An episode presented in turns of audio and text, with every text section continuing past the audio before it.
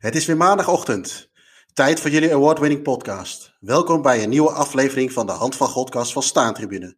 Jouw start van de nieuwe week. Ook in deze aflevering weer alles over de randzaken rondom het voetbal. In aflevering 20 hebben we natuurlijk weer onze vaste items. De vergeten speler, de Maradona quizvraag waarbij je het Staantribune verrassingspakket kan winnen. En we praten weer bij met Jelle Damen, de Nederlandse voetballer in Tsjechische dienst. En natuurlijk hebben we weer ruimte voor vragen van luisteraars. Maar zoals altijd beginnen we weer met het nieuws van de afgelopen week. Um, Ino, goeiemorgen op deze tweede paasdag. Lekker hey, vrij neem ik aan. Ja, gelukkig wel een keertje, ja. Dat, uh, dat is het enige voordeel van uh, werken in een brandje waar je normaal gesproken wel moet uh, opdraven met dit soort dagen. ja. Nu helaas niet. Maar eindelijk een keer vrij met paas, ja. Oké, okay, nou laten we vooral gauw beginnen met onze traditionele opening. ik heb namelijk een enorme droge bek. En ik heb hier weer een blik uh, Guinness in handen. Onze gesponsorde bier is helaas op. Kijk. Dus uh, nou ja, laat ik even ongegeneerd gaan, uh, gaan, gaan graaien of bedelen. Bedelen. Of er iemand zijn die nog wat, wat bier wil toesturen. gaarne. Altijd welkom. Dus ik trek er vast open. Wat heb jij voor je, Ino? Ja, ik heb uh, weer een Joop in mijn hand. Uh, misschien niet helemaal origineel, maar... Uh, heb je Jopen in je hand, ja? lekker, lekker, ja. Bloodlines is dit. Dit is een soort fruitachtig ding. Nou, komt-ie. Hartstikke idee. Hey, afgelopen week, we zijn weer druk bezig geweest met de vervolgstappen van ja, onze zoektocht naar de BNA Boys. er is een mailtje de deur uitgegaan, even een kleine tussenstand. in Stavaza, zoals het mooi heet in de uh, commerciële kringen, denk ik. Uh, tussenstand van de BNA Boys. We hebben een mailtje de deur uitgedaan uh, over de podcast. Dat hadden we eigenlijk vorige week al gedaan. We hebben reacties gedaan. Maar we hebben inmiddels een datum geprikt, Ino. Ja, we gaan uh, als het goed is over twee weken een special opnemen. Dus dan zit ik hier niet, maar dan gaan wij op pad, Jeroen. En dan gaan wij die jongens spreken. De 17 april. Wij gaan, als het goed is, naar Vlaardingen hometown van de Basti en Adriaan en de BNA Boys. Ja. We proberen daar uh, even in een voetbalkantine een mooie podcast op te nemen met die jongens. Ja, want we hebben een mailtje de deur uitgedaan richting eh, DVO, de club, hè, waar de spelletjes vandaan kwamen en waar ze tegen gespeeld hebben, zeg ik dat goed? hebben we nog geen reactie op gehad, dus als er iemand van DVO luistert, zeg even tegen jullie uh, in ieder geval de persoon die de infobox uh, beheert. Check even je box en kijk even of jullie wat voor ons kunnen doen. Of de sleutelbeheerder van de kantine. ja, dat mag ook. Dus dan kunnen we eens even kijken hoe dat loopt. Dus dat is nog een, ja, minder dan twee weken. En dan gaan we eens even een mooie special daarover maken. Um, andere dingen deze week is dat, ik heb hem hier in de hand, de nieuwe, het nieuwe nummer van Staantribune inmiddels uit is. afgelopen vrijdag lag hij op de mat, in ieder geval bij mij. Uh, we hebben hem al een keer eerder besproken wat op de, op de cover staat. Uh, Ruud Gullit. Uh, in het prachtige shirt van, van Sampdoria. heb je hem al doorgebladerd, Ino? Ja, precies wat je zegt. Even snel doorgebladerd. Toch, ondanks de vrije dagen, nog niet heel erg aan meer toegekomen dan dat. Maar dat gaat de komende week zeker gebeuren. Zag er weer leuk uit. Ja, ik zie zeker wat, of het toeval is of niet, maar wat raakvlakken met, met de onderwerpen waar we het vandaag over gaan hebben. Uh, onder andere het Olympisch Stadion, natuurlijk uh, Sampdoria. Uh, dus nou, daar komen we straks nog wel eventjes op terug. Ehm, we hebben ook weer wat, uiteraard weer wat jarigen, zo, wat jarigen gehad deze week. Mark Overmars, ook wel Mark Netto. Mark ja. Schuiver. Ehm, hoe, ja, hoe, ja, ik heb met, kijk, Overmars is bij Go Ahead begonnen. Zijn broer heeft ook bij ons gespeeld. En geëindigd, toch? Ja, ook weer geëindigd en ook natuurlijk nog eventjes aan het, uh, aan het roer gestaan. Maar ik, ik, ik zie Overmars toch meer als een Ajax dan als een oud Coët-speler. Ja, dat kan ik me wel voorstellen. Ja. Nou ja, hij begon uh, leuk in de jaren negentig natuurlijk. Was wel echt een van de mooie spelers in het elftal. Altijd uh, veel te snel voor de rest. Uh, ik moest eh, eerlijk gezegd wel een beetje aan hem wennen als baas zijnde. Iedereen wel, geloof ik. volgens mij was het, stond hij in de publieke opinie wel op oprotten op een gegeven moment. En toch, toch deed hij het op een gegeven moment goed en ging het lopen. En ja, de successen van nu, die zijn wel voor een groot deel op zijn konto te schrijven. Ja, en hij is de eerste die echt even aan het sparen is geweest, maar nu ook echt aan het spenderen is gegaan. En dat was volgens mij altijd een beetje. Hè, Ajax had een hoop geld, maar deden weinig mee, voor mijn gevoel, als buitenstaande. Nou ja, dat was dus, precies de kritiek, ja. ja. Ja, een andere grote speler, overigens kunnen we ook linken aan de cover van, van Staantribune. Uh, Clarence Seedorf was jarig. heeft er volgens mij overigens maar één jaar gespeeld, geloof ik, hè, bij Sampdoria. Ik zag een fantastisch filmpje nog voorbij komen dat hij trainer was, ik denk bij Deportivo. Dat er een bal van het veld gejenst wordt en dat hij bij de dugout belandt en hij legt hem eventjes ja. dood op zijn nette schoentjes. dat je ja. spelers ook op de bank ziet kijken van wat de fuck gebeurt hier, zeg maar. Die, ja, nee, ook groot, groot voetballer. nou, we hebben hem toevallig in de laatste voetbalquiz ook, is hij ook onderwerp geweest van een vraag. dat hij ooit met zijn familie een, een televisie won. Ja. weet, je, weet je nog wie de presentator was van die familieshow? Ja, dat was Ted de Braak, hè? Met een mooie ja, snor. Ja, ja, ja. Over, over, over snorren gesproken. En wie ook een mooie snor had, was dit weekend Alisson. Prachtig ouderwets snorretje. Maar die was niet jarig, dus die nee. moeten we eigenlijk even overslaan. Die komt nog een uh, keer. Ibrahim Afellay was jarig. Sergio Ramos. Ja, heb ik, bij die jongen heb ik toen nog wel wat mixed feelings. Naar aanleiding van een, een, bepaalde Europa finale. aan de andere kant moest ik ook wel weer heel enorm op hem lachen. Dat hij druk bezig was met een documentaire. En toen toevallig, wederom, hebben we het weer over Ajax, weer een Ajax-sausje. Maar Ajax tegenkwam, dus uh, dat vond ik wel mooi. En uh, hij is nu zo uh, geschrokken, denk ik, dat hij maar geblesseerd is geraakt voor de komende ontmoeting met, met Liverpool. Of zijn zus ja. is jarig, dat kan ook, hè? Ja. Dat, zou ook kunnen. Maar hij heeft niet even een gele kaart gepakt of zo? Ja, nee. Nee, hij schijnt geblesseerd te zijn. Maar goed, als je even kijkt naar zijn palmares, ja, dat is toch wel vrij indrukwekkend. Terwijl ik hem toen, zeker toen hij begon, toen hij het lange sluiker had, vond ik het, ja, vond ik het helemaal niet zo'n denderende voetballer. Uh, maar uiteindelijk heeft hij, hoeveel Europacups heeft hij gepakt?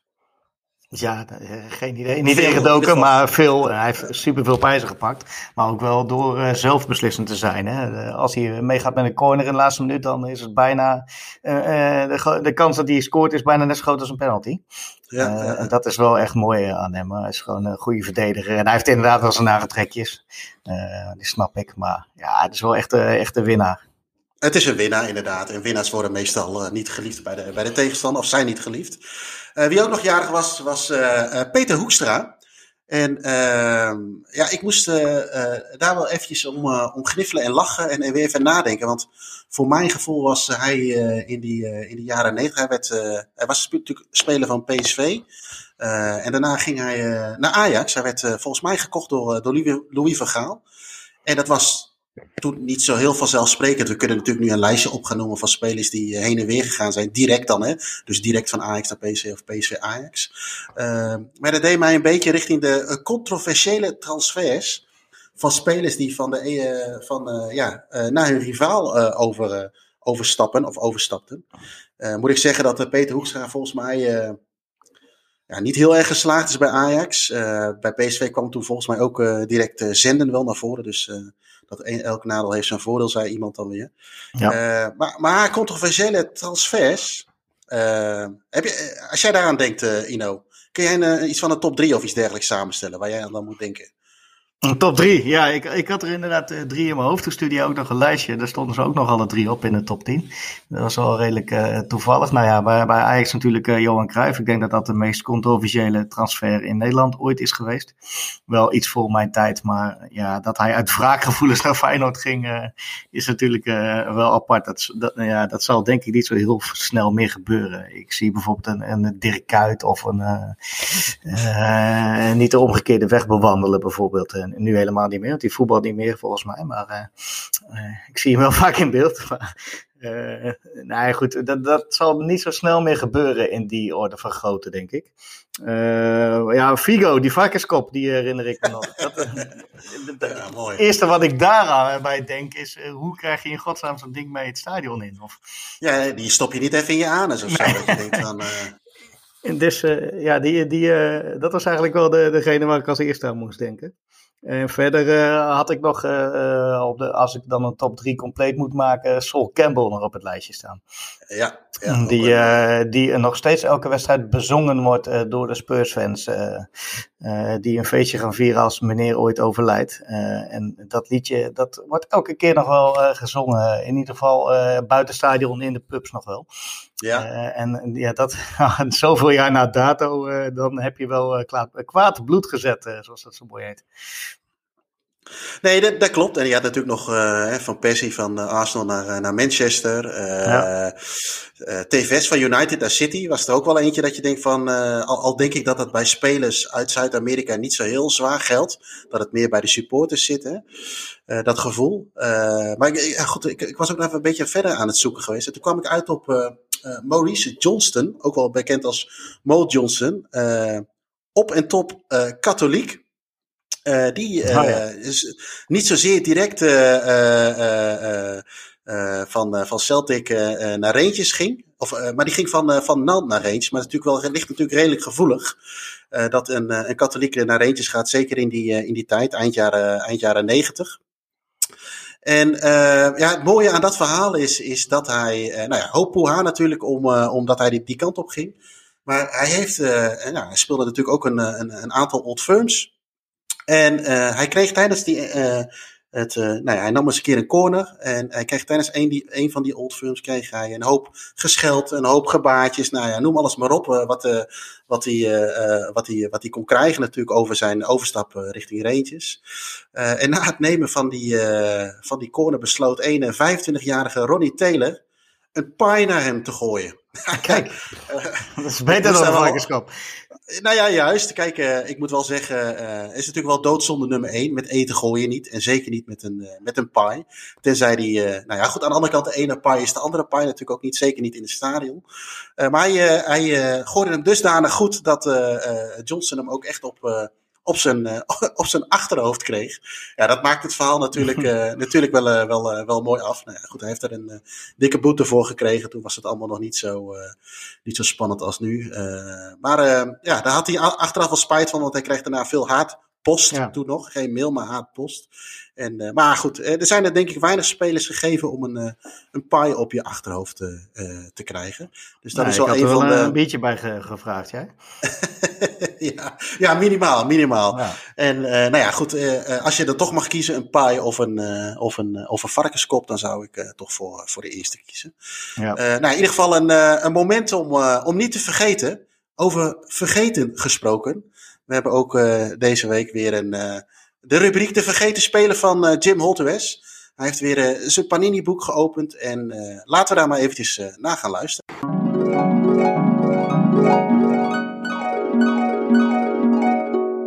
Tja, het zal waarschijnlijk te maken hebben met mijn voorliefde voor Brits voetbal. Maar tijdens het doorbladeren van mijn Panini-albums kom ik alweer een Brit tegen die ik graag wil behandelen als vergeten speler. Het gaat om John Clayton.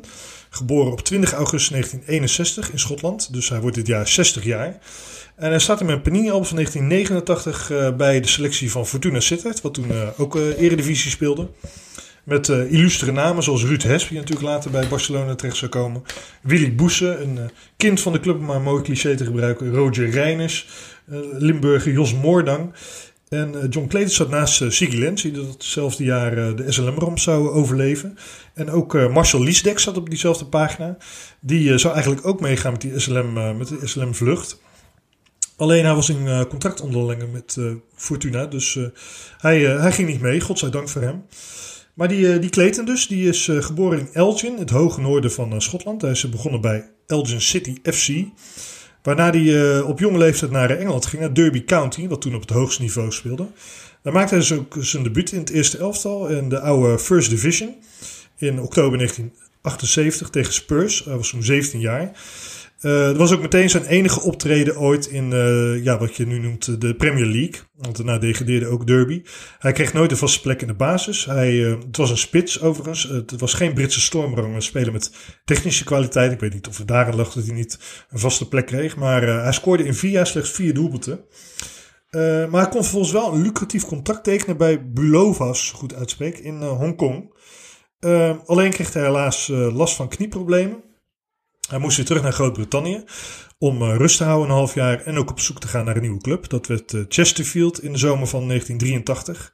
Uh, die speelde toen op het vierde niveau. En in dat enige jaar bij Chesterfield scoorde hij slechts vijf keer in 33 league games, dus niet ontzettend veel. Hij maakte toch een transfer naar Tranmere Rovers, speelde ook op het vierde niveau. Ja, en gek genoeg scoorde hij daar wel aan de lopende band. Hij, uh, ja, de getallen lopen uiteen. Uh, in ieder geval waren het meer dan 30 doelpunten.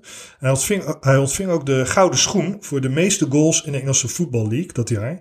Ja, dat, uh, dat wekt natuurlijk de, de aandacht van andere clubs. waaronder Plymouth Argyle, schitterende voetbalnaam. En die kocht hem voor 24.000 pond van Tremier. Uh, nou, dan begon hij uh, in de derde, of het derde niveau. Uh, Plymouth die promoveerde dat jaar naar het tweede niveau. Hij maakte 23 goals in 93 optredens voor Plymouth Argyle. zowel competitie als beker. En een van die doelpunten die laten we nu even horen. En dat is ook puur omdat ik het Engelse commentaar zo geweldig vind bij die, bij die doelpunten. That's a nice lay-up from Hodges to Tynan. Tried the early ball to Clayton. A chance here, surely. Yes! Well, the Oldham defence caught absolutely napping there. Lovely interchanging move. Clayton a bit lucky to get that ball, but making no mistake at all with 10 minutes gone. It's Plymouth Argyle 1, Oldham Athletic 0. Nou, hij wilde na uh, drie jaar bij Plymouth wilde hij het graag proberen op het continent. Hij had ook contact opgenomen met Jimmy Calderwood, die was zo'n trainer van Roda. En die raadde hem eigenlijk aan om het in Nederland te proberen. Nou, had FC Utrecht in de persoon van uh, Han Berg, die had eigenlijk interesse in hem. Uh, Bergen die zocht een opvolger voor John van Loen. En die zag wel wat in die kleten. Alleen moest dan wel John van Loen vertrekken. En uh, die dreigde gewoon te blijven. Dus hij zei tegen Kleten, nou, ik heb wel een club voor je. Mijn oude club, Fortuna Sittard. Dat is wel misschien wel wat voor je. Want hij zoekt een opvolger voor John Linford. Wat natuurlijk ook een, uh, ja, daar is het woord weer, een cultheld was in uh, Sittard. Nou, uiteindelijk bleef die Van Loen niet bij Utrecht. Die vertrok alsnog naar Rode JC toen Nol Hendricks met een grote zak geld aankwam. De oude geldschieter van Roda. Waardoor uh, Berg des Duivels was. Maar ja, die Kleten die zat al bij Fortuna. En daar deed hij niet onaardig. Hij werd meteen topschutter in het eerste jaar met 10 competitiedoelpunten in 88-89. Waaronder een doelpunt tegen PSV in de Baandert. En dat zijn schitterende beelden. Die, kunnen jullie nu niet zien, maar we kunnen wel even laten horen.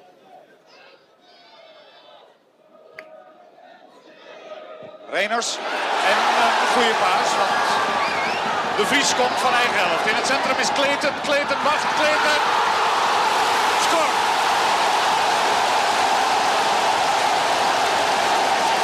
Op de seconde af. Zes minuten gespeeld. En net als vorig seizoen toen PSV snel op achterstand kwam door John Linford. Gebeurt nu hetzelfde. De lange paas van achteruit. En Richard de Vries is van eigen helft gestart. Kijk naar Kleten in het centrum. Die zegt waar hij de bal hebben wil. Overigens, uh, dat duel op uh, 26 november 1988. Toen uh, keepte die Hesp een wereldpartij. Hij was onpasseerbaar en pakte de onmogelijkste ballen. werd de held van de avond en kreeg ook een 10 in VI die week. Maar goed, we hebben het natuurlijk over Kleten. ja, Fortuna die deed het eigenlijk best wel aardig met hem in de basis. Uh, ze deden zowaar mee voor Europees voetbal. Kan je nu ook niet meer voorstellen. En uh, ja, die, de, ja, daarop wilde John Clayton, uh, gaf hij aan een interview, echt Europa in. Hij gaf wel aan dat hij wat uh, in isolement had geleefd dat eerste seizoen bij, in Sittard. Want zijn vrouw zat de hele dag thuis weg, hij had twee jonge kinderen. Hij had ook weinig omgang met ploeggenoten of andere kennissen. En ja, dat is wel vaker het geval. Dat hadden we ook bij Tony Morley, die bij FC Den Haag speelde, die ik al een keer behandeld heb. Er werd toen de tijd gewoon weinig geregeld voor buitenlandse spelers. Dus die kwamen vaak, ja, die hadden niet echt steun van de ploeggenoot. Er was gewoon niks voor geregeld. Dat is tegenwoordig natuurlijk totaal anders. Maar na het eerste seizoen was er wel belangstelling vanuit Engeland. Vanuit uh, Sheffield United en Plymouth. Die hadden weer uh, hun zin op hem gezet. Maar Fortuna hield hem aan zijn contract. Had een optie dat hij een jaar... dat beide partijen, een van beide partijen kon het gewoon een jaar verlengen. Ehm, nou, dat, misschien had hij er achteraf veel spijt van. In ieder geval had hij, uh, stond hij langdurig bij het spel vanwege operatie. Had een botsplinter in het weefsel van zijn dikke teen. Dus dat tweede jaar heeft hij niet zoveel gescoord voor uh, Fortuna. En toen wilde hij ook eigenlijk terug uh, naar, naar Groot-Brittannië. Want zijn vrouw die had ook heimwee. Zijn, Engels, zijn zoon die had behoefte aan Engelstalig onderwijs. dus hij wilde, hij gaf Fortuna aan, nou ik wil weer terug naar, naar Engeland of Schotland. Alleen ja, er kwam geen enkele club uh, had belangstelling voor hem. Dus is hij toch maar op een aanbod van Volendam ingegaan. En uh, ja, een seizoen eerder had Fortuna nog een miljoen voor kunnen krijgen. Nu betaalde Volendam slechts 2 ton voor hem. Dat wat, wat een koopje was voor een spits ja, van zijn kaliber, zeg maar. Dus Fortuna was aardig wat geld uh, misgelopen. Nou, bij Volendam heeft hij 18 keer gescoord in 61 wedstrijden. En met dat aantal bij Fortuna en Volendam is hij de schot met de meeste doelpunten in de eredivisie. Dus een leuk quizvraagje. Nou, daarna ging hij dan toch eindelijk terug naar Engeland. Hij had toch uh, echt weer last van heimwee. Uh, en hij, uh, hij, kon op, hij was op proeffeest bij Reading. Maar Burnley die trok hem uiteindelijk aan. En ja, het was natuurlijk een aardige spits. Alleen ja, hij kreeg last van rugproblemen. Hij heeft uiteindelijk maar drie wedstrijden gespeeld voor de Clarets. En één doelpunt gescoord. En in 94 is hij gestopt als speler. Hij moest ook uh, onder het mes uh, vanwege die rug. En uh, hij is vervolgens is hij verhuisd. Zijn vrouw had ook een. oh, mijn Siri gaat opeens aan. Dat moeten we natuurlijk even niet hebben. Hoppakee. Zijn vrouw die had een, had een zaak. En ze zijn, ik weet niet wat voor zaak. Ze zijn verhuisd naar het zuidwesten van, van Engeland. En hij kwam terecht als jeugdtrainer bij Bristol City. Daar speelde ook zijn tienjarige zoon John in de jeugd. Nou, hij heeft allerlei functies gehad in die Bristol City Academy. En uiteindelijk is hij terechtgekomen bij, tenminste wat ik het laatst heb gevonden van hem, bij de Football League in Londen. Daar zou hij nu werken op 60-jarige leeftijd. Nou, wat ik zeg, dit was de laatste Britse speler voorlopig. Ik heb een paar mooie namen voor de volgende keren, dus blijf vooral luisteren.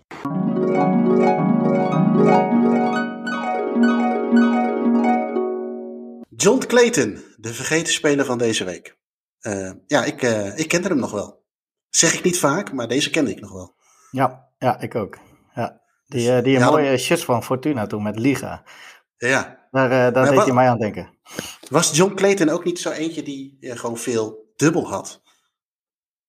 ja, de, de, René, Tro de René Trost, uh, ja, die, die, had ik ook altijd uh, eh, 36 keer dubbel. Ja, ja nou, mooi is dat. En die raakte hij dan nooit kwijt en iedereen had hem al en uh, we hoeven hem niet meer.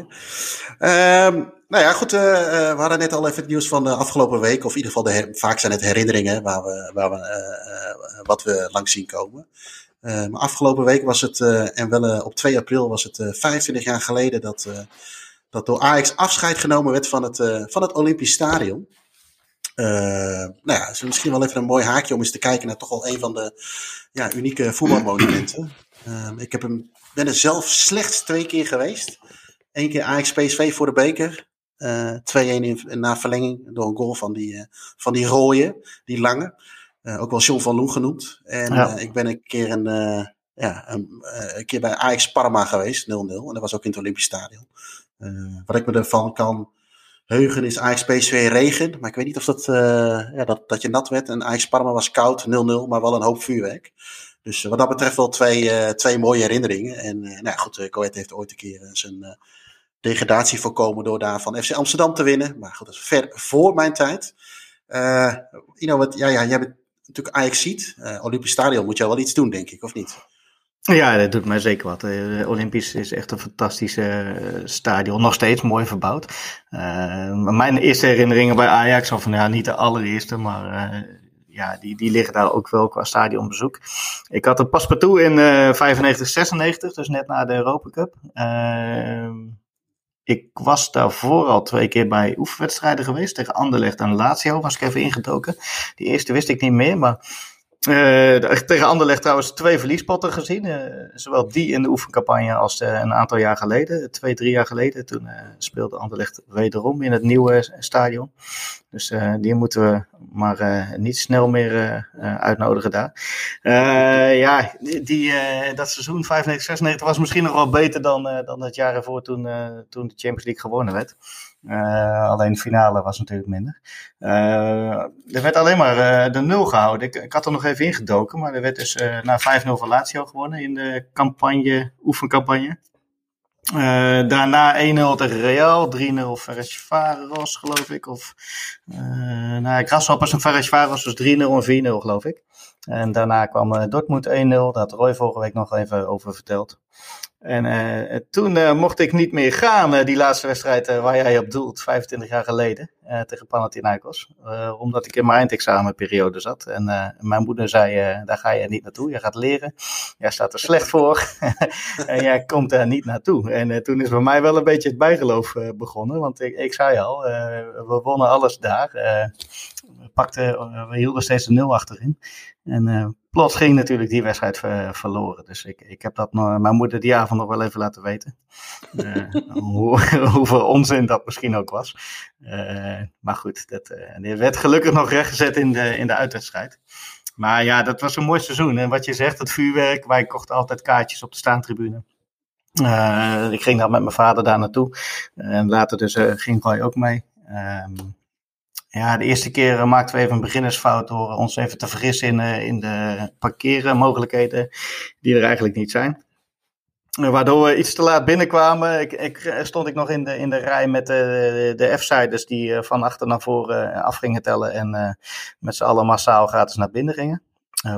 Dat kostte me nog een paar tikken met de lange lat van de ME. Uh, maar in ieder geval, ging je naar binnen daar bij die marathontoren. Uh, rechtsaf, ik weet het nog. Je, je, gaat dan die, die oude betonnen trap op. Je zag dan het vuurwerk uh, over, de, over de bootjes, over de gracht aangevoerd worden.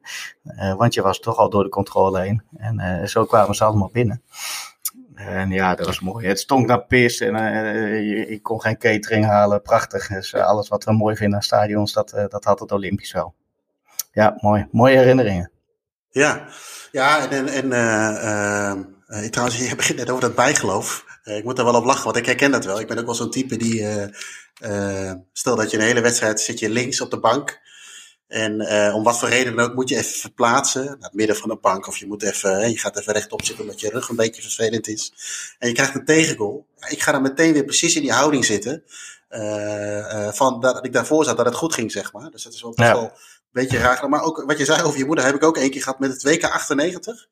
Toen uh, heb ik uh, heel lang tijdens de wedstrijden, niet, die hele, niet het hele WK, maar elke keer dezelfde ongewassen boxershort aangehad. En tijdens de halve finale tegen Brazilië, uh, ik keek altijd samen met mijn moeder. En hadden altijd een beetje, dus, tenminste voor mijn gevoel, dezelfde insteek. Nou, die boxershort, hetzelfde drinken en eten. Maar tijdens die halve finale ging mijn moeder ineens ballonnen ophangen. Ja, kan niet. Ja, we, weten, we, weten, we weten allemaal wat er, uh, wat er gebeurd is. En uh, ik heb dat ook wel eventjes laten weten dat dat, dat, dat nooit meer moet gebeuren. Maar ik, ja, goed, ik, ja, bijgeloof is altijd wel denk ik een, een soort houvast voor, voor, voor een voetbalsupporter, denk ik. Ja, ik, ik, heb, uh, ik moet je een heel klein beetje op fake nieuws uh, gaan betrappen. Maar dat is een uh, moeilijk feitje misschien. Maar een aantal jaar geleden heeft Ajax nog een officieel duel gespeeld in het Olympisch. Namelijk okay. een, be een, bekerpotje tegen Jos Watergaasmeer. Maar dat, dat kun je misschien nu nog wel weer herinneren. Maar de, de ja. laatste officiële, ja natuurlijk, die tegen Panathinaikos wordt natuurlijk wel als, als ja. mainstream beschouwd denk ik. Maar die, maar speelde, die werd ook gespeeld. Speelde Jos thuis of uh, was Ajax thuis? Het werd een 0-9, dus uh, Jos zal thuis hebben gespeeld, ja. Het zal ja, wel met dus... het ontbreken van lichtinstallatie zijn geweest, denk ik. Ja, en dus dan is het toch wel niet helemaal de wedstrijd van Ajax. Nee, ja, helemaal dus goed. Daar heb jij dan weer gelijk in. Ja, ja. Maar goed, ik, ik ben even in de, in de geschiedenis gedoken van het Olympisch. Ja. Dat, uh, dat is natuurlijk uh, vanaf 1928 Olympische Spelen wel bekend. Uh, toen nog, ook nog echt, ja de ground, zeg maar, ook voor andere sporten. Gezondheid. er werd, er een, zwembassin aangelegd zelfs. Daar heb ik nog een mooie foto van gezien. Uh, zwemmen, uh, boksen, wielrennen, atletiek. Fanny Blankers-Koen hebben daar, heeft daar nog hard gelopen. Niet in 28, maar later. Tour de France is er begonnen in 54. Beb van Klaveren heeft er gebokst. We hadden paardensport, speedway, windhondenrennen. Mooie sport. Oh, ja, zeker. Uh, ik heb nog een leuke anekdote gevonden van de Harlem Globetrotters die een wedstrijd speelden. Uh, waarbij de voorwedstrijd werd gespeeld door het Nederlands basketbalteam. Ja. Daar speelde Piet Ouderland in mee. Dat is in 1951 geweest. En Piet Ouderland heeft later nog 261 wedstrijden voor Ajax gespeeld. En is ook nog honkbal international geweest. Dus die, was, oh. die was van alle markten thuis. Ja, en later hebben we natuurlijk nog... Nee, die kon geen keuze maken. Honkbal is ook nog gespeeld in het Olympisch. En we hebben nog uh, de Amerikaanse voetballers natuurlijk gehad van uh, ja. Amsterdam Admirals. Met uh, ja, die Libetto die, die daarbij zat. En ook weer twee verschillende sporten beoefende. Hans ook, geloof ik. Hans ja, ja. Ik, ja, ik, heb, ja. Uh, ik, heb nog, ik heb nooit een, wedstrijd, een voetbalwedstrijd in de meer gezien.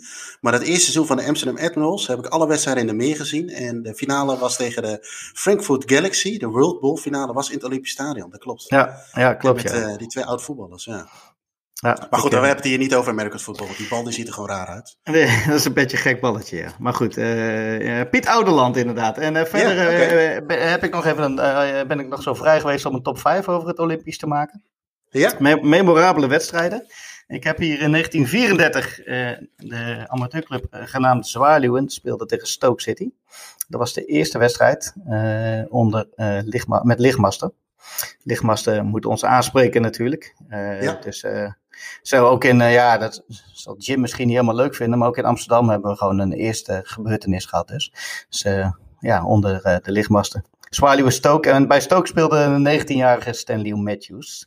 Kijk. En toen werd het bruine monster dus verruild voor een witte bal.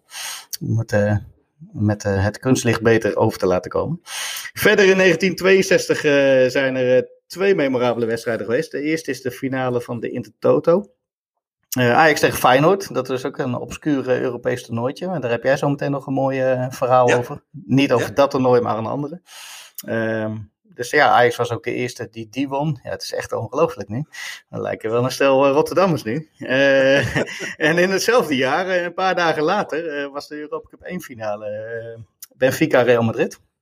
Na 2-3, drie keer Puskas, uh, scoorde uh, Benfica de gelijkmaker. En daarna maakte Zebio de 4-3 en de 5-3. Dus ging de beker uh, naar Lissabon. in 1966 hebben we de eerste rode kaart van Johan Cruijff in het Nederlands elftal gezien. Wat hem een jaar schorsing opleverde, was natuurlijk een, een doodzonde toen. Ja. Uh, en een, een, maand later was de miswedstrijd, hebben we al wel eens over gehad. Hè? We hebben uh, ja. al een jaar geleden Ian Callaghan gesproken in Liverpool. Uh, die heeft ons daar ook mooi bij op de hoogte gehouden. Er was nog wel een leuke anekdote dat ze om de mist tegen te gaan met vuurpotten wilden werken van de vliegbasis Soesterberg. Uh, maar die, die had ze ook zelf heel hard nodig.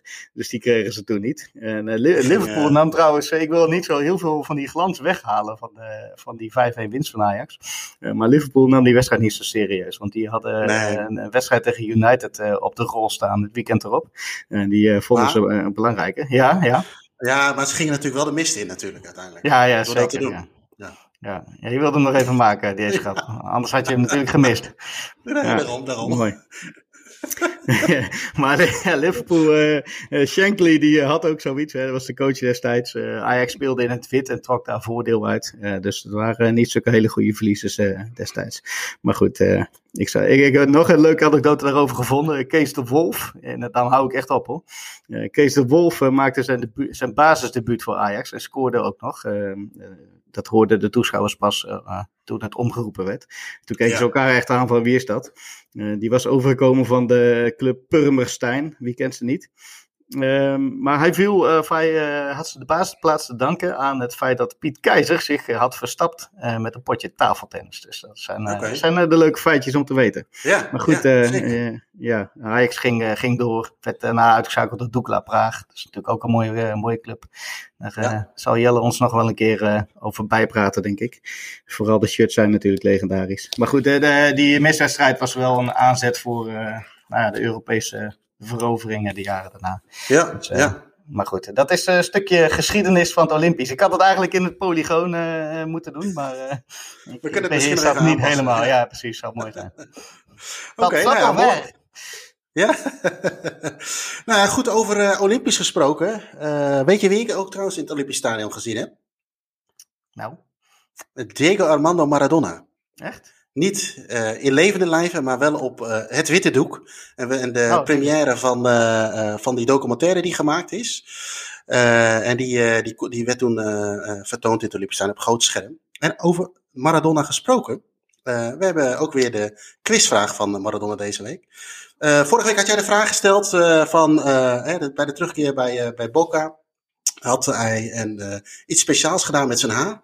En uh, wat dat geweest was, nou, dat was een uh, gele geblondeerde lok. Kan dat geel geblondeerd? Hij had iets in ieder geval Ja, geks met zijn haar het, was eh, geel-goud, hè? Een beetje gebaseerd op die, eh, op die shirts van Boca. Ja, en eh, dat had hij gedaan. En ik denk dat hij, ja, weet je, die foto's zijn best wel bekend. En ook die mooie shirts overigens die ze toen hadden. Eh, die eh, die eh, heel goed eh, na zijn dood in de reproductie eh, zijn eh, gedaan. Die duiken overal op bij elke voetbalshirt eh, verkoper. Dat je die shirtjes van toen kunt kopen van, van Olan. Ehm, meerdere mensen hadden dat, eh, hadden dat goed. Eh, waaronder eh, Remco van Holten uit Deventer. Eh, die krijgt het eh staantribune verrassingspakket eh, toegestuurd. Veel plezier ermee en gefeliciteerd. En voor deze week hebben we uiteraard ook weer een nieuwe vraag. Sai perché mi batte il corazon. Ho visto Maradona, ho visto Maradona.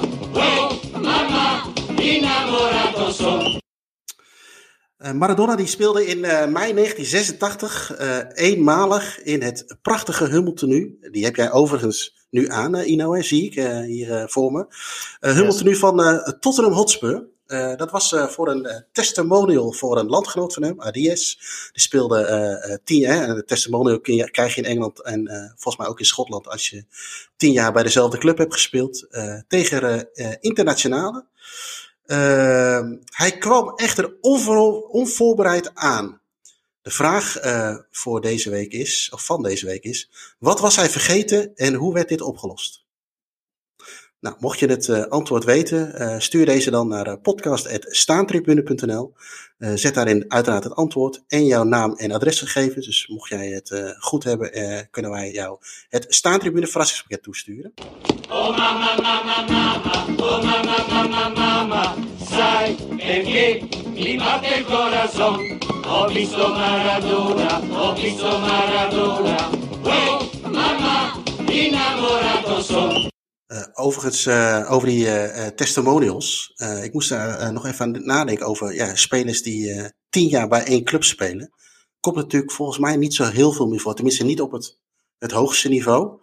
Eh, misschien op de lage niveaus ook niet meer. Zeker denk ik ook niet in de eerste divisie in Nederland bijvoorbeeld. Maar het komt niet zo heel veel meer voor. Maar ik zag toevallig dat laatst eh, Jordan Henderson van Liverpool in aanmerking kwam.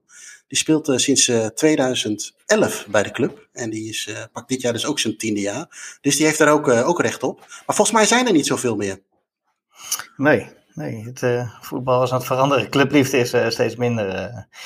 Eh, Ja, en dan ook vooral bepalen, bepalende spelers. Hè. Weet je, je kunt natuurlijk tien jaar eh reservekeeper zijn, die zullen er vast geweest zijn. eh, maar echt een, een soort van bepalende spelers, die, die zie je niet zoveel meer.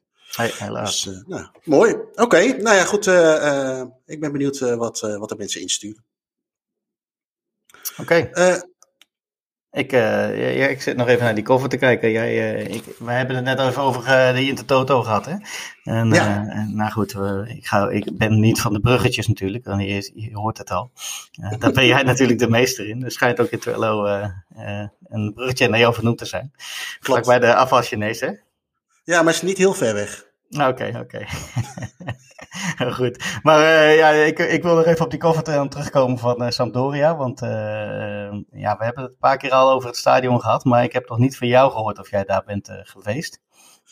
Nee, ik ben er een keertje geweest voor de. Ik weet niet of dat toen al de Europa League heette, maar in ieder geval Europa Cup 3, UEFA Cup met PSV. Een van de weinige wedstrijden Europees die ik live gezien heb waar PSV won in een uitwedstrijd. Twee keer Toivonen, geliefd door heel Nederland.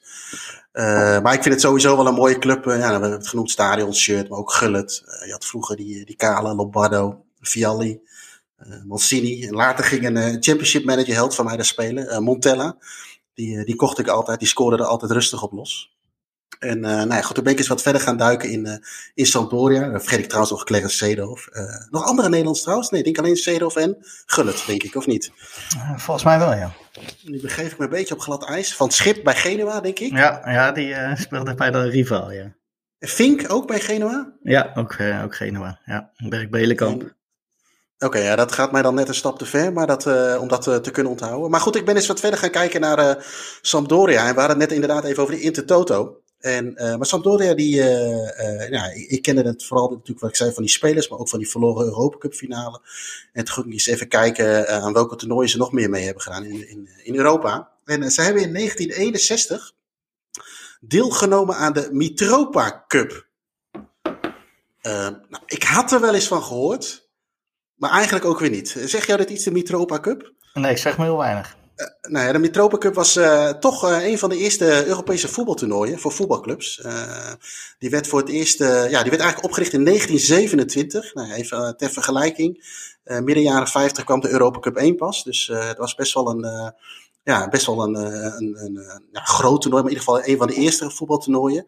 En het werd ingesteld op initiatief van de Oostenrijkse bondsmanager Hugo Meisel als ik het goed mag uitspreken. En het was eigenlijk een bekercompetitie die uh, tussen clubs van, uh, van landen uit Midden-Europa. Nou, dan moet je eigenlijk denken aan uh, nou, Bulgarije, Hongarije, Italië, Joegoslavië, Oostenrijk en Roemenië. nou, en ook Tsjechië, Slowakije toen nog en, en Zwitserland die deden overigens ook mee. En ehm, nou vooral voor de Tweede Wereldoorlog was het dus eigenlijk een, een, een groot toernooi. Um, en dat verloor eigenlijk natuurlijk dan wel zijn glans. Omdat die Europa Cup 1, was dat niet van Frans voetbal of zo? Waar, door wie werd dat ge, opgericht? Of begeef ik me nu een beetje op glad ijs? Dat ik straks weer keihard afgemaakt word.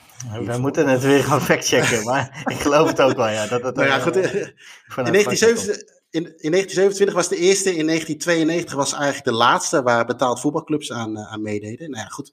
In 1961 deed dus uh, Sampdoria mee. Uh, dat was een toernooi wat gespeeld werd in, uh, in uh, drie pools van vier.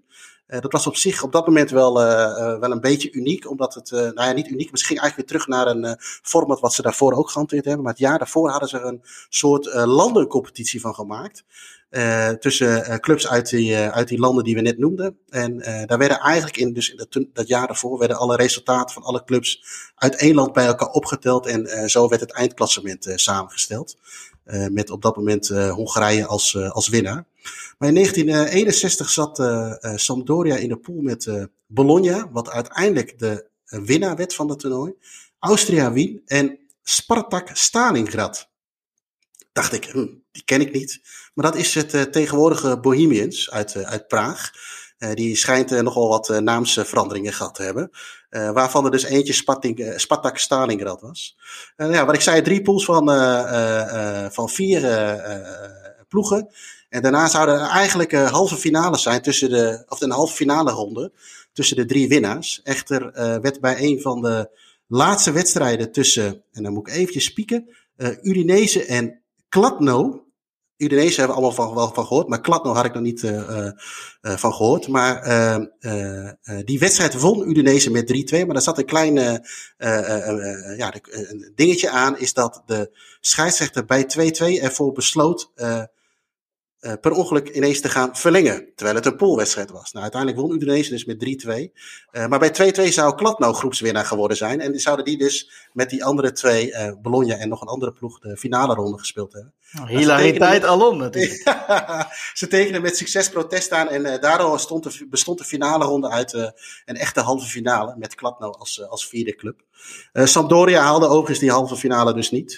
die werd ja, een soort van troosteloos derde.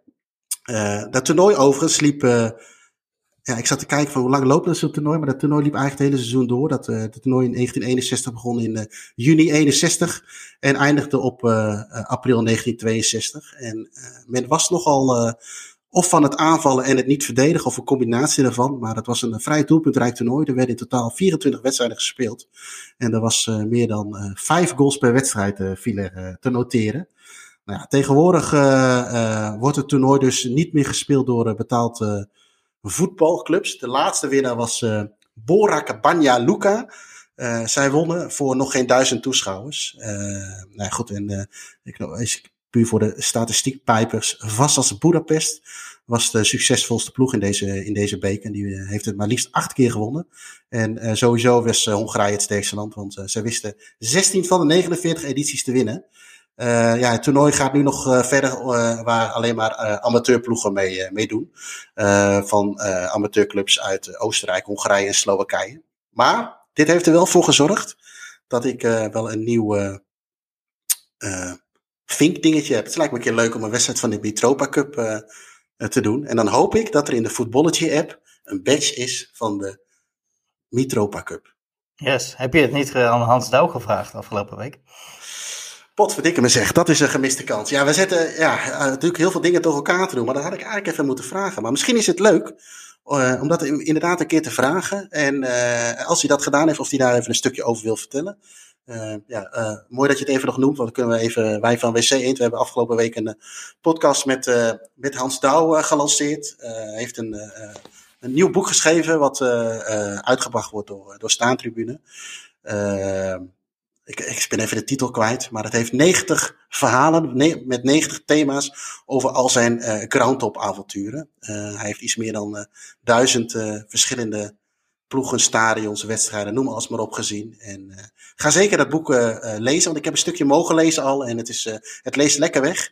en ga ook zeker de podcast even luisteren, want daar vertelt hij ook wel wat verhalen die er ook wel in, in voorkomen, ook niet. waaronder hoe hij ervoor zorgde dat een wedstrijd op Kaalheide van Jong Rode SC doorging.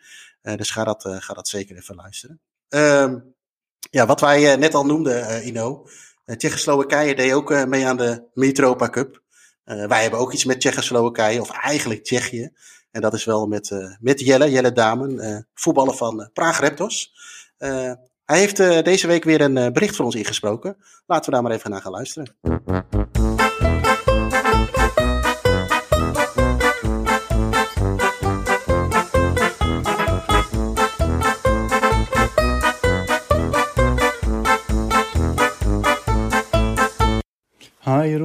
We doen het maar weer even op deze manier. Je bent vast druk bezig paaseieren te verstoppen. Um, dus ik spreek gewoon wel eventjes wat in. Um, nou ja, ik ben uh, zoals je weet uh, bij uh, Eagles even langs geweest. Even bij de, bij de Adelaarshorst even wezen kijken. Um, ik was er nog nooit geweest, dus ik was heel benieuwd ja, hoe het er, eruit ziet aan de Vetkampstraat. En nou, dat viel, viel helemaal niet tegen. Ik was echt onder de indruk. Ik vond het ook ja, best wel modern. Dat had ik weer niet verwacht. Maar het, staat, het, ja, het is wel heel erg, heel erg mooi. En ja, dat het zo midden in die wijk ligt, dat is echt prachtig. Als je er al er naartoe rijdt en dan al die stadionlampen, die floodlights zo ziet. Vanaf een afstandje, ja, dan weet je wel, dit is echt, dit wordt een, een mooi stadion. Dat kan haast niet anders. Uh, en dan rij je zo die Vetkampstraat in en dan ja, parkeer je auto eventjes rustig. En dan uh, gingen we eventjes een rondje lopen om het stadion. Uh, kwam ik kwamen we ook nog eventjes, uh, ja, Erik Witty, hoofd jeugdopleiding, kwamen we tegen. Uh, dus die kwam toevallig, liep er langs. Ik zeg, nou, kunnen we misschien even binnenkijken, mag dat? Nee, ja, want de spelers komen zo. Het was, was op een vrijdag. Um, afgelopen vrijdag. En toen, dus toen kon het niet. Konden we niet naar binnen. Maar hij zei van, nou, als je je nummer, als ik uh, mijn nummer achterlaat, mag je me wel even appen of bellen. En dan kunnen we wel een keer kijken wanneer het wel kan. En dan kan ik zo even een rondleiding geven door het stadion. Nou goed, dat is wel leuk. Uh, misschien voor een keer als, we weer, als ik weer in de buurt ben daar. Het lijkt me wel mooi om dan eventjes alles te zien. zo in het stadion ook, omdat het natuurlijk zo'n oud... Nou, het stadion zelf is misschien niet zo oud, maar ja, omdat er al zo lang gevoetbald wordt, vind ik dat altijd, altijd wel mooi. Uh, ja, wat me verder opviel, ja, die, die, ja, die prachtige floodlights, dat heb ik al eventjes genoemd. Uh, echt geweldig. En uh, ja, dat het zo midden in die wijk ligt, ja, dat is natuurlijk echt, echt heel mooi. en ik hoop dat, dat Go Ahead Eagles daar nog heel lang blijft spelen. Ehm, ja, verder niet zo heel veel met voetbal gedaan eigenlijk. Lekker gefietst en, en gewandeld daar in, in de bossen. Hebben mooi weer gehad. Maar goed, dat is helemaal niet interessant. Ehm, ja, en wat ik zag is dat jullie een soort, uh, met, met Luton Town, een soort uh, ja, vriendschapsverband uh, hebben. Hoe, weet jij misschien hoe dat zo in elkaar zit, hoe dat komt? Dat vind ik wel leuk. Om eventjes te achterhalen. Dat vind ik wel een bijzondere ja, supportersvriendschap. nou, tot zover denk ik. komende week ja, kunnen we misschien eventjes een, een club in Praag uitlichten, dacht ik, voor volgende week. Misschien uh, heb jij daar nog uh, suggesties over? Dat je denkt van nou, ik zou wel meer van die club willen weten. Uh, laat het even weten en dan, dan gaan we gewoon even kijken welke we ja, kunnen uitlichten en waar bijzondere feitjes over zijn. Succes verder met de podcast en we spreken elkaar. Doei!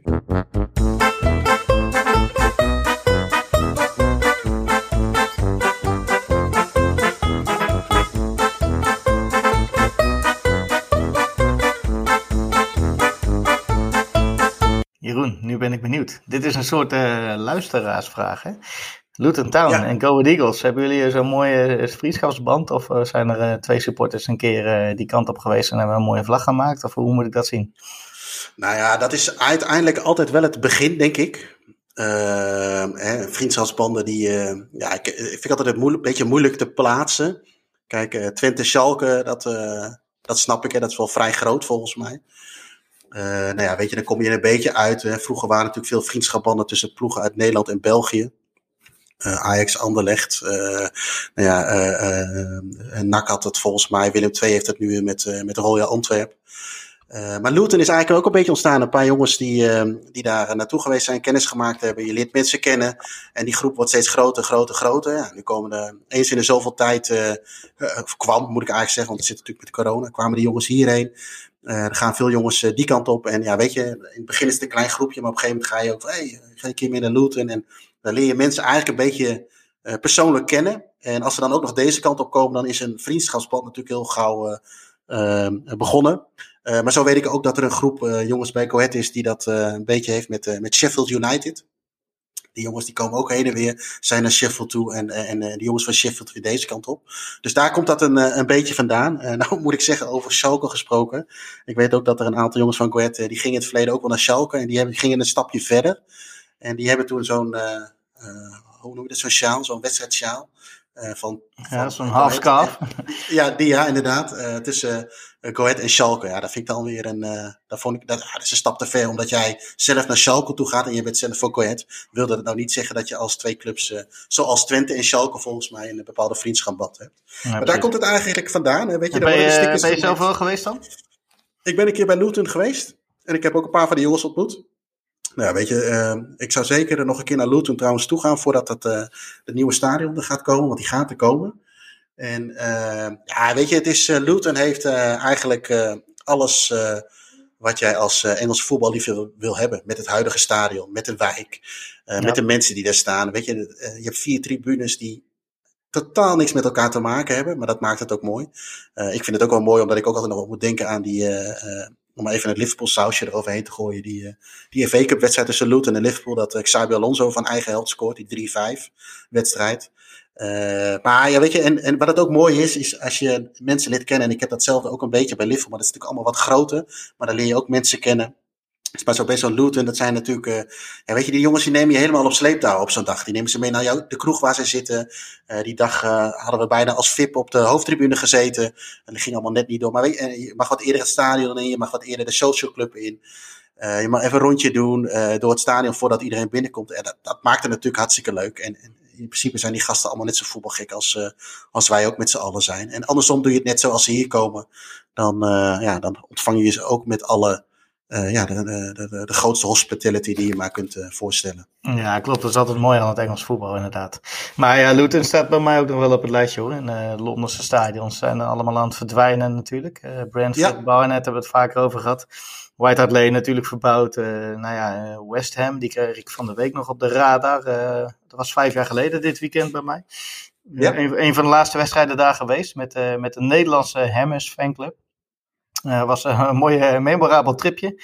Waarom kwart over zeven met de bus vertrokken werd. En om tien voor half acht het eerste biertje open, opengetrokken werd. En om half acht had iedereen de tweede achter te kiezen. Dus toen dacht ik ook echt van waar gaat dit heen? Nou, ging dus naar de, naar West Ham. Naar de kanaaltunnel inderdaad. Ja. hoe heet die, uh, die, over, die oversteek. Maar uh, ja, maar een leuke trip. Hè. De, de Bowling Ground, Upton Park, is, was echt fantastisch. En dat is ook zo'n ja. mooi, echt Engels stadion. die helaas verdwenen is. Ja, het boeit me ook niks meer om naar West Ham te gaan. Het was hartstikke gezellig met die jongens van de, van de Dutch Hammers, heet het volgens mij. en, en er, er is iemand die mij nog wel eens vraagt om mee te gaan. Maar het, ja, stadion is voor mij wel uh, bepalend in Engeland. Ja, en, uh, ja dat, dat uh, maakt of is, breekt het.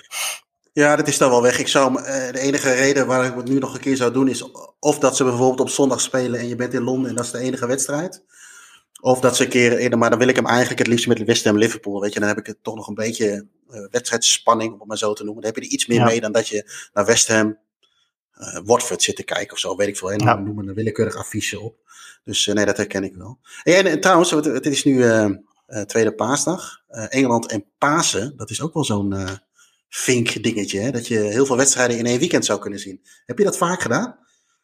nee, Nee, één keertje kan ik me herinneren. Nee, Vinken met paas. Ik zag het Joris ook al tweeten. Uh, dat is inderdaad een mooi fenomeen. Maar ja, net wat ik zeg. Uh, ik, ik, moet bijna altijd werken met dat soort dagen. Uh, dus dat komt mij niet zo heel goed uit wat dat betreft. Um, maar ik heb het één keer gedaan. Dat was naar Newcastle. Dat was ook al een leuke trip op zich. Ik vind dat even een heel mooi stadion ook. Hè. We hebben het laatst nog over die shirts gehad, geloof ik. Met dat zwart-witte. Waar, waar ze het in Engeland is Newcastle denk ik wel de club die daar die daar het meest prat op gaat. Ja. En, uh, dat was sowieso een memorabele trip, maar dan op, uh, op stormgebied, uh, storm op zee, om het zo maar te zeggen. Dat was net op tijd binnen. Zes uur vertraging op de boot en kwart over twee in het hotel middags. En we hadden de grootste medelijden met de, met de mensen die voor één dagje gingen winkelen in Newcastle. Die moesten twee uur later uh, kotsmisselijk weer terug op diezelfde boot. Wij hadden gelukkig nog een wedstrijd en een overnachting te gaan. Dus, maar dat was mijn enige paastrip. ja. En jij dan? Ik heb het naar Engeland nog nooit gedaan. ik krijg het ook niet zo goed verkocht rond deze dagen. Maar de enige keer dat ik dat uh, gedaan heb, ben ik een, uh, een lang weekend naar uh, Slowakije geweest. Voor de derby tussen Inter Bratislava en Admedia Bratislava. Volgens mij bestaat laatst al niet eens meer. Of het is misschien een keer gefuseerd of iets dergelijks. en, en daaromheen, een dag daarvoor gingen we naar Nee, dat zeg ik helemaal verkeerd. De dag daarvoor gingen we naar Inter Bratislava tegen Spartak Trnava. Uh, laatst genoemde, overigens ooit tegenstander van wederom Ajax. Uh, geweest in de halve finale van de Europa Cup. Uh, ja. Dat was wel een mooie. En nou, daar zit ik even te denken. Welke wedstrijd was het nou? Het was oh, Slovan tegen Admedia tegen Slovan Bratislava. Oké, okay, ja. En, en, en, volgens mij Inter Bratislava bestaat ook niet meer. Er was trouwens wel een hele mooie oude bak. En ehm, daar kwamen we trouwens toevallig nog uh, in de rust, uh, bleven we hangen in de kantine. En toen kwamen we nog een of andere gast tegen, die was ook heel vaak in, bij, in Nederlands voetbal geweest. En die begon meteen over vechten en dat soort dingen. Zo, oh, ik zeg, oh, oh wij waren met vier man. We komen hier gewoon lekker voetbal kijken en lekker van die, van die nootjes eten en, en meer niet. dus die wilde er eigenlijk meteen een, een, een klepperij van maken. Gelukkig konden we dat afweren en werden we daarna gewoon grote vrienden door veel bier te drinken. Maar dat is eigenlijk de enige keer dat ik met, met Pasen wat, wat, wat doen, gedaan heb.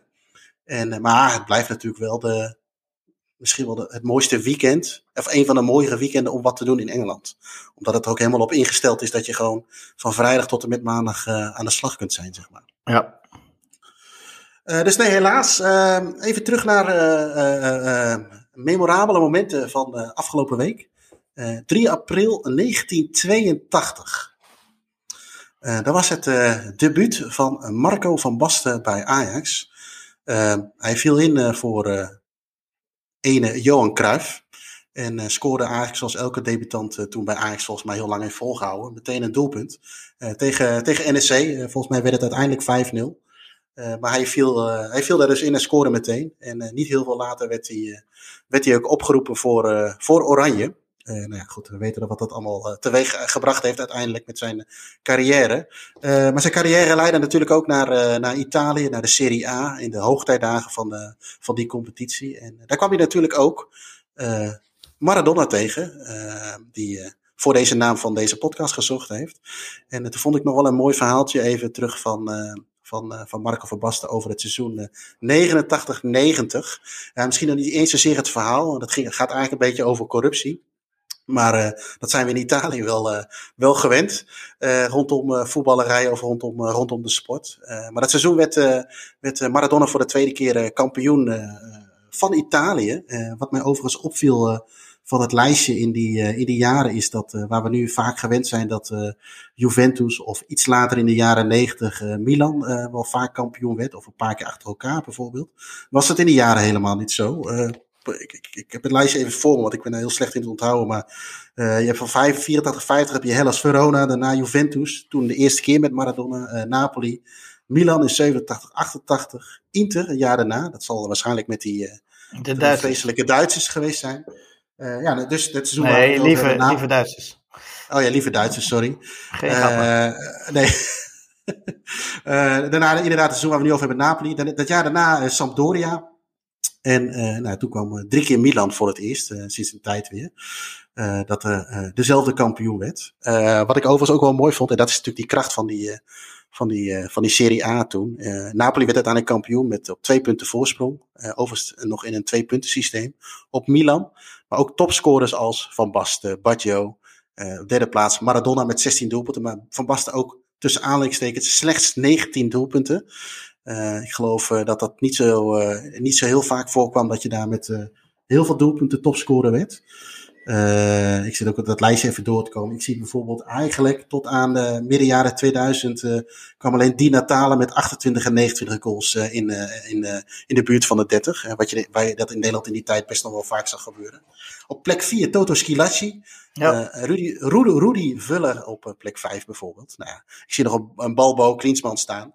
Uh, maar even terug naar het seizoen van 89-90. wat ik zei, een sterke competitie, veel gelijkwaardig aan elkaar. En dat zag je ook in de titelstrijd. En ja, eigenlijk twee wedstrijden voor het einde stond Milan nog, nog bovenaan met Napoli in de, in de nek. En heeft Van Basten eigenlijk, ja, hij zegt, uh, het beschrijft ook in, in dat boek wat hij uh, laatst heeft uitgebracht. Uh, ja, hij zegt eigenlijk, die, die titel van Napoli is gekocht. En uiteindelijk de reden die daarvoor zou kunnen zijn, is dat Milan op dat moment in de Europa Cup 1 finale stond en nog moest spelen. En dat het toen voor het eerst kwam dat de titelverdediger, nee, stel dat de titelverdediger niet kampioen was, dat dan de kampioen van het land ook mee moet. Dus dat, dat de Italiaanse bond twee uh, afgevaardigden mocht sturen voor de Europa Cup 1. Dat is een beetje het verhaal erachter. Ja. Uh, maar goed, Milan die verloor uh, vlak voor het einde van de competitie een, een, een, een wedstrijd bij degradatiekandidaat Hellas Verona. degradatiekandidaat, vijf jaar daarvoor nog kampioen. door dubieuze beslissingen van de scheidsrechter, Lo Bello. Daar ging ook nog wel even een, een hoe heet dat, een, een belletje rinkelen bij die naam. en in die wedstrijd kregen, kregen ze vier rode kaarten. Waaronder de trainer Arrigo Sacchi, uh, overigens ook jarig geweest afgelopen week. Uh, die werd naar de tribune gestuurd. Uh, Rijkaard kreeg rood, Costa Curta. En uiteindelijk San Marco kreeg ook rood door twee keer geel te krijgen. ja, hij zei van, we kregen zoveel dubieuze beslissingen tegen, vrije trappen, noem alles maar op. En bij één vrije trap kon hij zich niet meer beheersen. En toen riep hij eigenlijk tegen de scheidsrechter, waar ben je in hemelsnaam mee bezig? Nou, die scheids die die, die negeerde hem. En uh, nou ja, dat, uh, toen besloot Marco van Basten zijn shirt uit te trekken als uit protest. En toen mocht hij ook, mocht hij ook gaan douchen. Ja. En in diezelfde ronde speelde Napoli bij Atalanta uit, uit Bergamo. En die wedstrijd die eindigde eigenlijk in 0-0. Maar een, een bijzondere moment daarin is dat Alemão, Braziliaanse teamgenoot van, uh, van Maradona, uh, die kreeg een, uh, een, een, muntstukje tegen zijn hoofd. Nou, als je, je kunt de beelden terugzien op YouTube. nou, weet je, dat, dat doet best pijn, dat zal ik niet ontkennen. Maar aan zijn eerste reactie te zien, ja, voelt hij, doet hij even, hey, wat gebeurt hier nou? En laat zich even nakijken door de verzorger. En je ziet die verzorger eigenlijk iets tegen hem zeggen. Nou, hè, niet eens na twee seconden, maar na, eh, voor je gevoel een halve minuut of een minuut. Van ga liggen, ga liggen. Nou, dat deed allemaal dus ook. Die ging liggen. Een heel theater van gemaakt. Hij werd uh, uiteindelijk naar het ziekenhuis gebracht. Uh, er werd een scan uitgevoerd. Uh, mensen voor de camera gehaald. Wat verschanderd was. Teamgenoten. Noem alles maar op. Wat er uiteindelijk voor zorgde dat zij met 2-0 wonnen bij Atalanta. Of nee, dat moet ik eigenlijk anders zeggen. De Italiaanse bond zei dat het de schuld was van Atalanta. En Napoli kreeg een ja. reguliere reglementaire, van, ja. reglementaire sorry, ja. overwinning van, van 0-2. Waardoor ze bovenaan kwamen in de, in de competitie. En uh, ja, blijkbaar maakt dat uh, Van Basten nog steeds een, een beetje boos. Maar ik vond het een mooi verhaal van dat buntje. Want ja, gaat het maar eens terugkijken op YouTube. Het is, het is echt te belachelijk voor woorden. Maar goed, zo ging het blijkbaar in die tijd. Slechte verliezen die Van Basten. Hè? Ja, is hij ook. Is hij ook hè? En dan, dan, dan halverwege. Nee. nou, helemaal goed. We hebben nog wat, ja, we hebben nog wat vragen van, van, van luisteraars gekregen. We hadden net natuurlijk eentje van van. Uh, die hebben we al beantwoord. Maar we hadden ook nog een mooie, ja, dat is niet zozeer een vraag, maar meer een, ja, hoe zullen we het noemen, suggestie. Over nog het Olympisch Stadion, waar jij net een heel mooi verhaal over vertelde. om ook eens te kijken naar de, interlands verbod van, van, van, van Jong Oranje. Nou, daar hebben we, we kregen de vraag wat te laat binnen te, voor de voorbereiding. Maar daar kunnen we nog wel eens een keertje, keertje naar kijken, wat mij betreft. Het zou een mooie historisch zijn. Uh, voor het historische besef van de supporters. Als dat het vaste ja. stadion wordt. Uh, aan de andere ja. kant vind ik het nu ook wel leuk hoor. Dat, je, dat ze in alle regio's spelen. Zodat ook uh, ja, mensen uit de buurt van Doetinchem of Groningen of wat dan ook. wat makkelijker naar zo'n wedstrijd kunnen. En, niet altijd naar Amsterdam of Rotterdam hoeven. Dus ja, is, is van, van twee kanten wat voor te zeggen. Ja, nou dan wil ik nog even één vraag behandelen als, als laatste is van ons wel, uh, ja, van onze collega Joris van der Wier. Of wij ook uh, kippenvel kregen van de Piro-actie uh, voor Robben. Kreeg jij er kippenvel van, Ino? nee, nee. Piro, dat is Bengaals vuurwerk, toch? Ja, ja. Ah, Oké, oké. Het, wordt, het, wordt veel uit, het wordt veel uit de kast gehaald tegenwoordig. Hè. Het heeft natuurlijk ook een beetje mee te maken dat we... We kunnen niet naar de stadions en op een of andere manier wil je toch even laten zien dat je uh, dat je ze steunt of uh, dat je in een ploeg even succes wenst als ze naar een andere tegenstander moeten. Maar ik heb het ook het idee dat het bij elke willekeurige wedstrijd een beetje gedaan wordt. mag ik er eens een unpopular opinion in gooien? Ja, gaat dat over Robben? Want die, dan heb ik dezelfde, denk ik. naar de, over Robben kom ik nog even terug zometeen. Maar over dat hele Piro-verhaal. Ja, het is wel een beetje te veel allemaal, toch? Of niet? Het wordt voor het minste of geringste wordt het nu, uh, wordt het nu gebruikt. Of ben ik daar, uh, sta ik er alleen in? Overkill, maar wij zullen wel van die oude uh, romantische mannetjes zijn die, die houden van Bengaals vuurwerk. We hebben het natuurlijk al over het Olympisch Stadion gehad. Hè? Toen werden de fakkels nog gewoon vastgehouden. nou ja, wat ik zei, die kwamen daar per, per bootje over die gracht aan. En er waren zoveel voorradig dat, ja, dat je maar bleef doorgeven anders. Dus ja, werd maar gewoon besloten om die vast te houden, denk ik. Maar dat was nog mooi. En, en, een, stil, een stil beeld met fakkels ziet er ook veel mooier uit dan, dan dat gezwaai. Ik, ik heb daar niet zoveel mee. Maar goed, dat is, je, je, wilde dan ook nog wat over Robben zeggen? Of wilde ik. ja, ik, ik, nou ik, ik, die, die grote thee van Casillas laat ik even buiten beschouwing. Maar ik heb, ja, ik mag het misschien niet zeggen, maar ik heb nooit zo heel veel met Robben gehad. Ik vind het altijd maar een beetje een janketje. Uh, ja. Maar daar doe ik hem zeker mee tekort, hoor. dat weet ik ook wel. Want uh, het is een van de beste voetballers uh, geweest die we ooit hebben gehad. Uh, maar ja, ja, sorry dat ik het zeg, maar ik, ik vond het altijd een beetje een, een klein kind.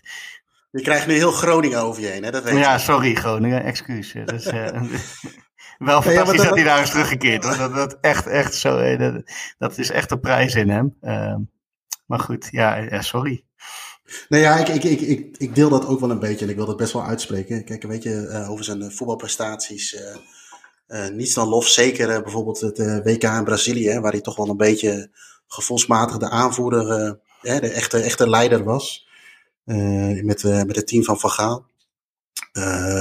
Maar ik heb dat, en dat had ik al toen hij bij PSV kwam, zijn maniertjes, zijn dingetjes, dat, dat, irriteerde en irriteer ik me steeds door. Het is echt zo'n, ja, het is een beetje een mannetje, het komt ook een beetje binnenlopen, weet donders goed dat de camera op zijn op op zijn op zijn neus staat. Al is dat natuurlijk ook heel moeilijk, omdat er nu zoveel camera's zijn ten opzichte van vroeger. Maar ja, ik moet, ik moet wel altijd denken aan die team van Casillas. En ik denk ook altijd, uh, als hij dat balletje tegen Dortmund er niet in had geschoten. Ik doe dat heel denigrerend, maar dat balletje. Hè, dan was hij bij Bayern München ook niet die geliefde speler geworden. Of uiteindelijk geworden, die hij was. Want we kunnen nee, misschien de finale herinneren. Tegen Chelsea en uh, daarna die oefenwedstrijd met Nederlands elftal. Dus nee, ja, weet je, ik, ik snap dat het voor Groningen een, een, een, een mooie terugkeer is. En uh, ik gun niemand een blessure. Dus nee, het zou mooi zijn als hij nog een keer, een keer terug kan keren. Een lekker goaltje was dat wel hoor, tegen Dortmund moet ik zeggen. Ja, natuurlijk. Weet je, en, uh... Ja, die maniertjes had hij steeds minder nodig de laatste jaren. Dus dat is. Uh, klopt. we klopt. moeten hem echt niet downplayen. Het is echt een, uh, een fantastische voetballer geweest. Dus, Overigens, over die finale, die finale Dortmund-Bayern. 90.000 Duitsers in Londen. Ja. Ik denk dat Winston Churchill zich omgedraaid heeft in zijn graf op dat moment. Dat had hij nooit toegelaten, denk ik, op dat Kijk, moment. hij is weer gemaakt hoor. maar goed, uh, nou ja, dat was het weer voor deze week, uh, Ino. Uh, bedankt weer. luisteraars, bedankt voor het luisteren naar deze aflevering van, van de Hand van Godcast. mochten jullie ideeën, tips of opmerkingen of vragen hebben, zoals net ook een van de luisteraars, bij de luisteraars vragen, dan horen we dat uiteraard graag. graag. al deze zaken kunnen gemaild worden naar podcast.staatribune.nl. Uh, en mocht je dit nou een hele toffe podcast vinden, dan zouden we het leuk vinden als je op iTunes een recensie zou willen achterlaten. Uh, ja, en dan rest me nu nog maar één ding. Dat was hem weer, snuiters. Tot volgende week. Fantastic.